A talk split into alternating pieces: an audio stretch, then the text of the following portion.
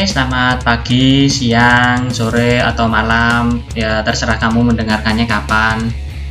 Kembali lagi di podcast Mat Sodre. Oh ya, mohon maaf kalau sebelumnya aku lupa nggak nyebut kata-kata seperti itu tadi. Soalnya baru kepikiran sekarang. Oke, seperti biasa, bagaimana kabarmu hari ini? Kalau sehat ya semoga sehat selalu. Kalau yang nggak sehat, semoga disehatkan kembali supaya lebih produktif untuk menjalani hari-hari bagi yang lagi kerja, kuliah, atau masih sekolah, ya semoga dilancarkan. Waduh, suara apa itu? Sorry, ini ambience-nya kampung ini ya. Maksudnya rumahku kan di kampung. Terus kan ya pinggir jalan banget kan. Jadi kan ya dimaklumi aja. Ya karena memang aku newbie sih di podcast ini. Jadi ya peralatannya cuma laptop dengan aplikasi olah suara dan kamar tidur aja ya nggak punya ruang kedap suara ini. Kita lanjut lagi. Ya semoga yang nganggur juga semangat. Nah maksudnya semangat apa sih? Ya semangat untuk cari kerja lah daripada nganggur terus kan nggak dapat apa-apa. Oke pada kesempatan kali ini aku mau cerita atau sharing tentang masalah kopi. Mungkin di sini ada yang suka kopi apa enggak nih atau yang suka nongkrong-nongkrong di kafe buat beli kopi gitu.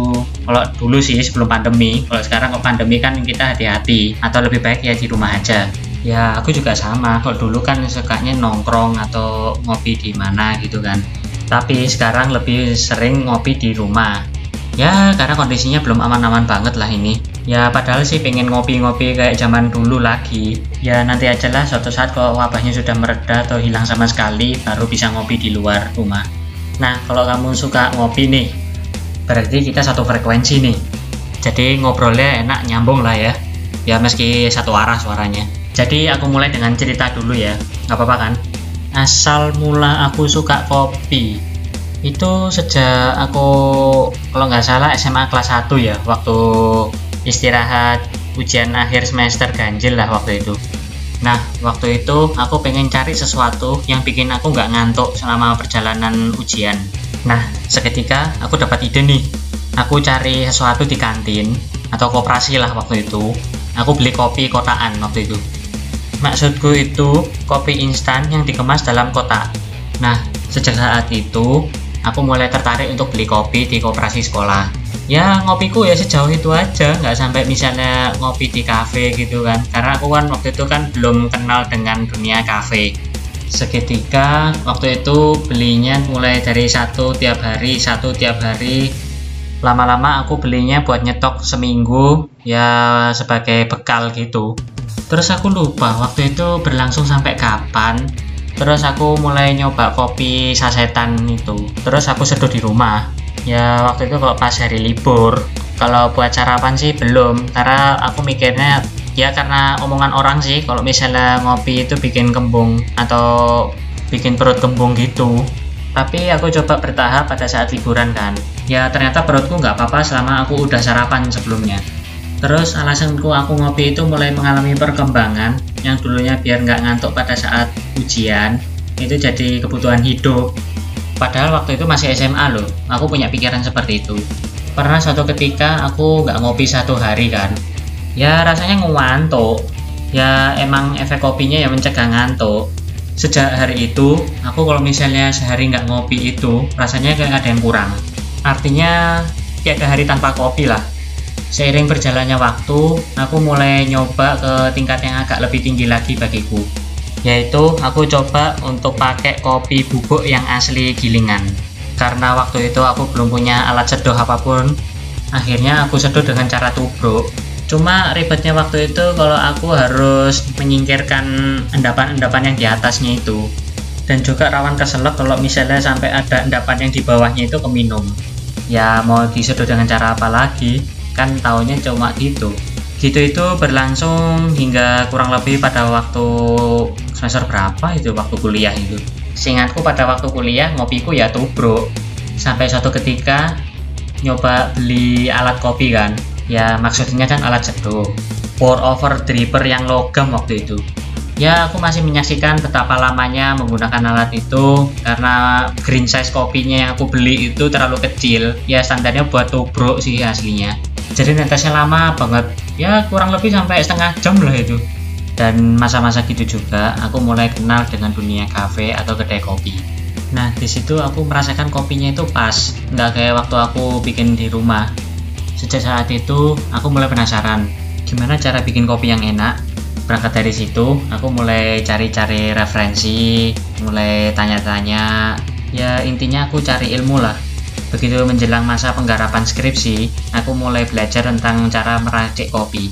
Pertama kali aku ikut itu ada kelas barista, waktu itu ada event kopi di Malang. Dan aku ikut kelasnya. Terus ya nggak berhenti di situ ya tanya-tanya ke cafe kebetulan aku punya kenalan dari owner cafe di Malang. Kebetulan yang punya cafe ini enak diajak diskusi ya dengan sangat senang hati gitu. Dari perkenalan itu motivasi untuk belajar tentang meracik kopi itu semakin meningkat dan mulai beli alat-alatnya dan mulai coba-cobalah dan menerapkan apa yang sudah aku pelajari sebelumnya. Ya hitung-hitung bisa buat refreshing setelah bosan kuliah gitu kan ya. Kemudian aku mulai coba kopi yang namanya espresso. Setelah sebelumnya aku bertahap coba kopi itu sampai ke kopi hitam tanpa gula pastinya ya setelah dapat pengalaman minum espresso itu aku merasa itu espresso itu aku banget. Meskipun pahitnya kata orang nggak bisa diterima tenggorokan. Tapi sejak wabah melanda aku udah jarang bahkan nggak pernah ngopi di luar lagi. Untungnya waktu itu aku udah punya alat-alat untuk nyeduh kopi. Jadi ya nyeduh kopi di rumah aja. Ya entah sampai kapan wabah melanda ya gitulah ceritaku. Awal suka kopi hingga saat ini ya tetap suka kopi. Ya berawal dari harapannya biar nggak ngantuk waktu ujian hingga menjadi bagian dari hidupku. Dan sekarang aku punya alasan kenapa aku mencintai kopi. Sekaligus aku bisa memetik pelajaran dari kopi yang bisa kujadikan sebagai motivasi yaitu kopi adalah representasi dari dunia. Kopi itu nggak sebenarnya pahit, adalah rasa manisnya atau rasa buah-buahan, terutama untuk Arabica. Memang kopi itu didominasi oleh rasa pahit, makanya persepsi orang itu kalau kopi itu pahit. Jadinya beberapa orang ada yang nggak suka kopi. Ya istilahnya karena mereka termakan persepsi mereka sendiri. Padahal kalau dirasakan lebih dalam, ya ada rasa manisnya kok, meski nggak pakai gula dan juga kopi itu unik bagiku soalnya beda cara penyeduhan beda tipe airnya atau beda tipe penyangrean kopinya rasanya akan beda berawal dari pahit banget jadi lebih asam atau lebih manis atau memunculkan rasa-rasa lain misal dalam satu cara pour over pun air yang berbeda atau intervalnya juga beda maksudnya adalah berapa kali penuangannya rasanya akan berbeda terutama intensitas rasa pahit yang berkurang. Jadi, apa yang kita bisa pelajari dari kopi? Hidup itu nggak melulu dengan kepahitan. Pasti ada selipan rasa manis di dalamnya, ataupun rasa lain yang menyenangkan. Jadi, jangan fokus ke rasa pahitnya, kita eksplor rasa manisnya, atau rasa lain yang dimunculkan dalam kopi. Juga, kita berusaha bagaimana kita bisa meredam kepahitan hidup. Seperti halnya kita menyeduh kopi dengan cara yang berbeda, itu akan menghasilkan karakter rasa yang berbeda juga. Termasuk intensitas pahitnya kopi yang bisa menurun kalau caranya beda. Overall, kopi itu memang unik. Jadi kita bisa ambil filosofinya seperti itu. Oh iya, aku mau sharing sesuatu biar kamu nggak penasaran, yaitu kopi apa yang aku suka sama yang nggak aku suka. Dan ini bukan tebak-tebakan humor ya. Oke, yang aku suka itu apa? Yang pertama banget atau ranking satu yaitu adalah espresso dan beberapa turunannya. Soalnya espresso itu menurutku adalah tingkatan tertinggi dari kopi. Soalnya rasanya, ayo pasti pikir kelanjutannya kayak odading kan? Bukan. Ya karena espresso itu rasanya pahit ya. Tapi pahitnya bagi aku itu enak ditelan, enak dinikmati. Greget lagi kalau nggak pakai gula. Kalau nggak percaya bisa dicoba. Nggak usah pakai gula. Dan nikmati sensasinya. Mungkin ngira aku sakti ya minum espresso nggak pakai gula. Padahal aku ya nggak sakti-sakti banget sih. Karena gini sepahit-pahitnya espresso jauh lebih pahit lagi kehidupan. Loh malah jadi curhat ya? Ya maaf. Eh tapi bener juga sih. Karena memang hidupku yang pahit saking pahitnya itu espresso yang harusnya terasa pahit banget itu nggak begitu pahit. Jadi kerongkonganku kalau kemasukan espresso ya monggo-monggo aja. Tapi yang lebih tepatnya itu memang espresso itu kurang lebih cerminan dari hidupku atau bahkan dunia. Dan juga karakternya kuat dan keras nah kalau turunan espresso Aku sukanya itu cappuccino, latte, macchiato, sama mochaccino. Tapi yang jelas nggak pakai gula. Ya itu aja sih. Belum pernah explore yang lainnya sih. Itu kalau pengen aja, bukan berarti aku bosan dengan espresso yang asli. Lalu tingkatan kesukaanku yang kedua itu adalah pour over, misalnya V60 atau dripper. Itu soalnya kopi yang kayak gitu tuh menghasilkan rasa yang cukup natural dan juga aku bisa main-main bagaimana penuangannya, waktu seduhnya, dan lain-lainnya. Kalau penasaran coba aja mau cara seduhnya atau minumnya. Yang jelas lebih baik tanpa gula. Lalu berikutnya ada yang namanya sifon atau vakum. Soalnya caranya itu kan atraktif. Kan kayak ada pemanas, terus chamber dua kaca yang atas bawah itu dan seru lihat caranya itu. Ya airnya mendidih, terus naik gara-gara ada uapnya, terus mengalir ke atas kontak dengan kopi terus diaduk gitu kan. Terus pemanasnya dimatikan akhirnya airnya mengalir ke bawah. Ya tahapannya itu kayak atraktif dan seru gitu. Kalau dari segi rasanya sih ya kurang lebih hampir sama dengan V60 atau pour over gitu. Juga selanjutnya itu mocha pot Turkish cafe French press. Ya masih banyak yang lainnya lah. Aku belum explore keseluruhan itu yang aku suka sih. Tapi ada satu yang aku kurang suka yaitu tubruk. Kenapa? Padahal simple nih cuma bubuk kopi terus diseduh dengan air panas gitu aja. Yang bikin aku kurang suka adalah yang pertama ada endapan yang di atas sama yang di bawah. Jadi kalau mau minum itu harus hati-hati biar nggak keselak ampasnya itu. Lalu yang kedua bubuk kopi yang terendam itu meskipun terlihatnya diam tapi proses ekstraksi itu tetap berjalan jadi semua zat yang menyebabkan rasa pahit itu keluar semua dan semakin banyak. Istilahnya tambah lama tambah gak enak gitu menurutku. Wah bahasanya kimia ini. hmm, tapi itu bener kok. Dunia kimia itu nggak bisa lepas dari kehidupan kita sehari-hari kok. Ya sederhananya sih seperti halnya kita menyeduh kopi. Yang ketiga, sebenarnya kopi tubruk itu adalah metode cupping yang sebenarnya digunakan untuk menguji rasa dan kualitas suatu kopi. Dan itu nyobanya cuma sebentar, juga nggak semuanya diminum tapi aku nggak paham hubungan antara cupping dengan tubruk itu seperti apa.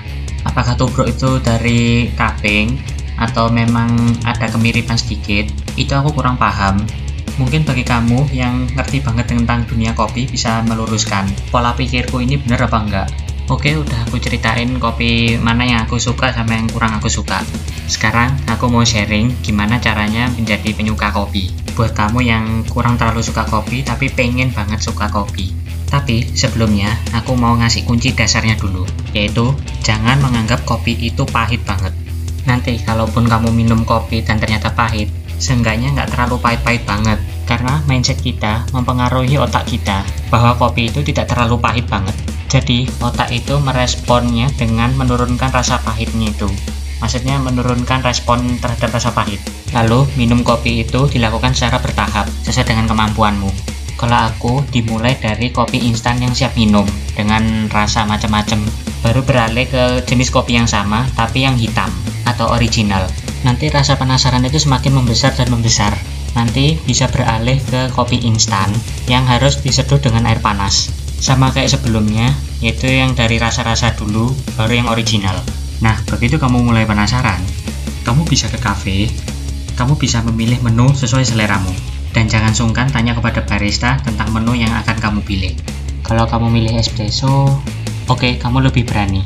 Apalagi nggak pakai gula. Oh ya, aku punya info. Kalau kopi itu bisa mengatasi atau mencegah diabetes. Wah, infonya dari mana nih? Kamu bisa cari di beberapa jurnal kesehatan atau jurnal penelitian. Itu kalau nggak pakai gula loh ya. Kecuali kalau menu Vietnam Trip. Soalnya itu manis dari kental manis. Selain menu itu ada baiknya kita nggak perlu nambah gula. Kalaupun misalnya kayak cappuccino, latte, dan kawan-kawan menurutku tambah susu itu aja udah enak kok. Nah selain untuk alasan kesehatan kopi tanpa gula itu kita tahu rasa khas kopi itu seperti apa dijamin kamu pasti bakal ketagihan ngopi lagi Oke, kita sampai di ujung episode podcast kali ini. Dijamin habis ini kamu mau nyoba ngopi kan? Ya, silakan aja, bebas kok. Dan aku ucapin selamat ngopi dan sampai jumpa di episode berikutnya. Mata ai